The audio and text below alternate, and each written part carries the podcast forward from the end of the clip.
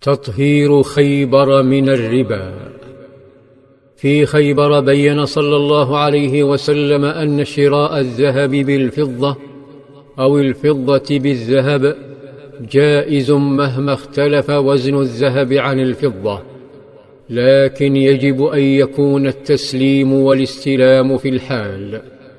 يقول صلى الله عليه وسلم فإذا اختلفت هذه الأصناف فبيعوا كيف شئتم إذا كان يدا بيد. فالذهب والفضة يمثلان النقد والتلاعب بهما بالربا يعني تكدسهما بأيدي المرابين. الذين لا يقدمون للشعب والوطن شيئا سوى طوابير من الفقراء والفقيرات ليتمكن المرابون من استغلالهم بل ليتمكنوا مع مرور الزمن من استغلال الدولة نفسها وابتزازها وبالتالي التحكم بها. فالمرابي يتحول بالتدريج إلى دولة داخل دولة ينازعها السلطة ويهددها بالفوضى. كما أن بعض المرابين يساهم في نشر الرذيلة وهدم القيم فالذي يأكل الربا تموت لديه الأخلاق لأنه يستمتع بطحن المواطن والمجتمع. في خيبر قرر القائد صلى الله عليه وسلم أن يضع له نائبا لإدارتها. وفي أحد الأيام أحضر له هذا النائب تمرا لذيذا يقال له جنيب فسأله صلى الله عليه وسلم أكل تمر خيبر هكذا؟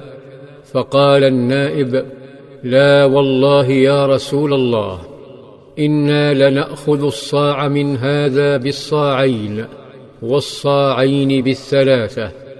هنا بين له صلى الله عليه وسلم أنه لا يجوز بيع صاع تمر إلا بصاع مثله مهما كان صنف أحدهما جيدا.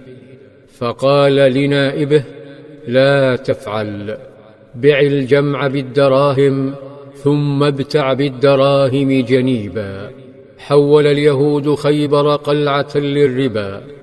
لكن بعد أن أصبحت ضمن الدولة الإسلامية أصدر القائد صلى الله عليه وسلم امرا بمنع التعاملات الربوية على المسلمين.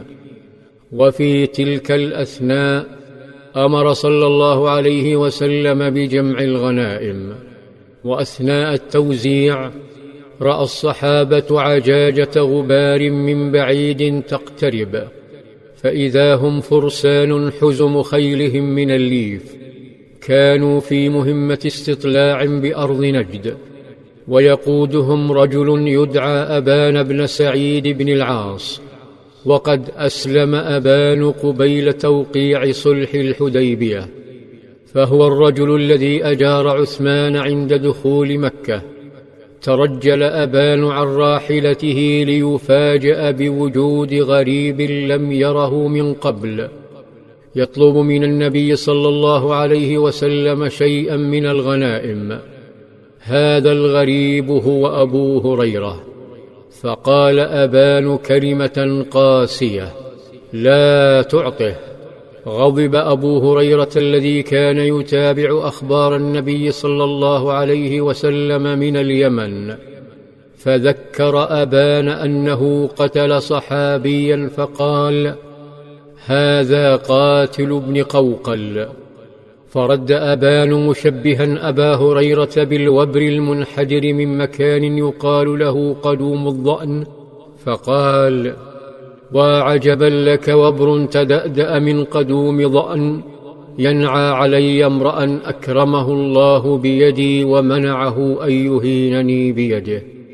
وإذا بالقائد صلى الله عليه وسلم ينهي ذلك الجدل المنفعل فقال يا أبا نجلس. ثم أكمل صلى الله عليه وسلم التوزيع. وأثناء ذلك كان أحد الجند يتأمل قطعة قماش فاعجبته فاستلها دون أن يراه النبي صلى الله عليه وسلم.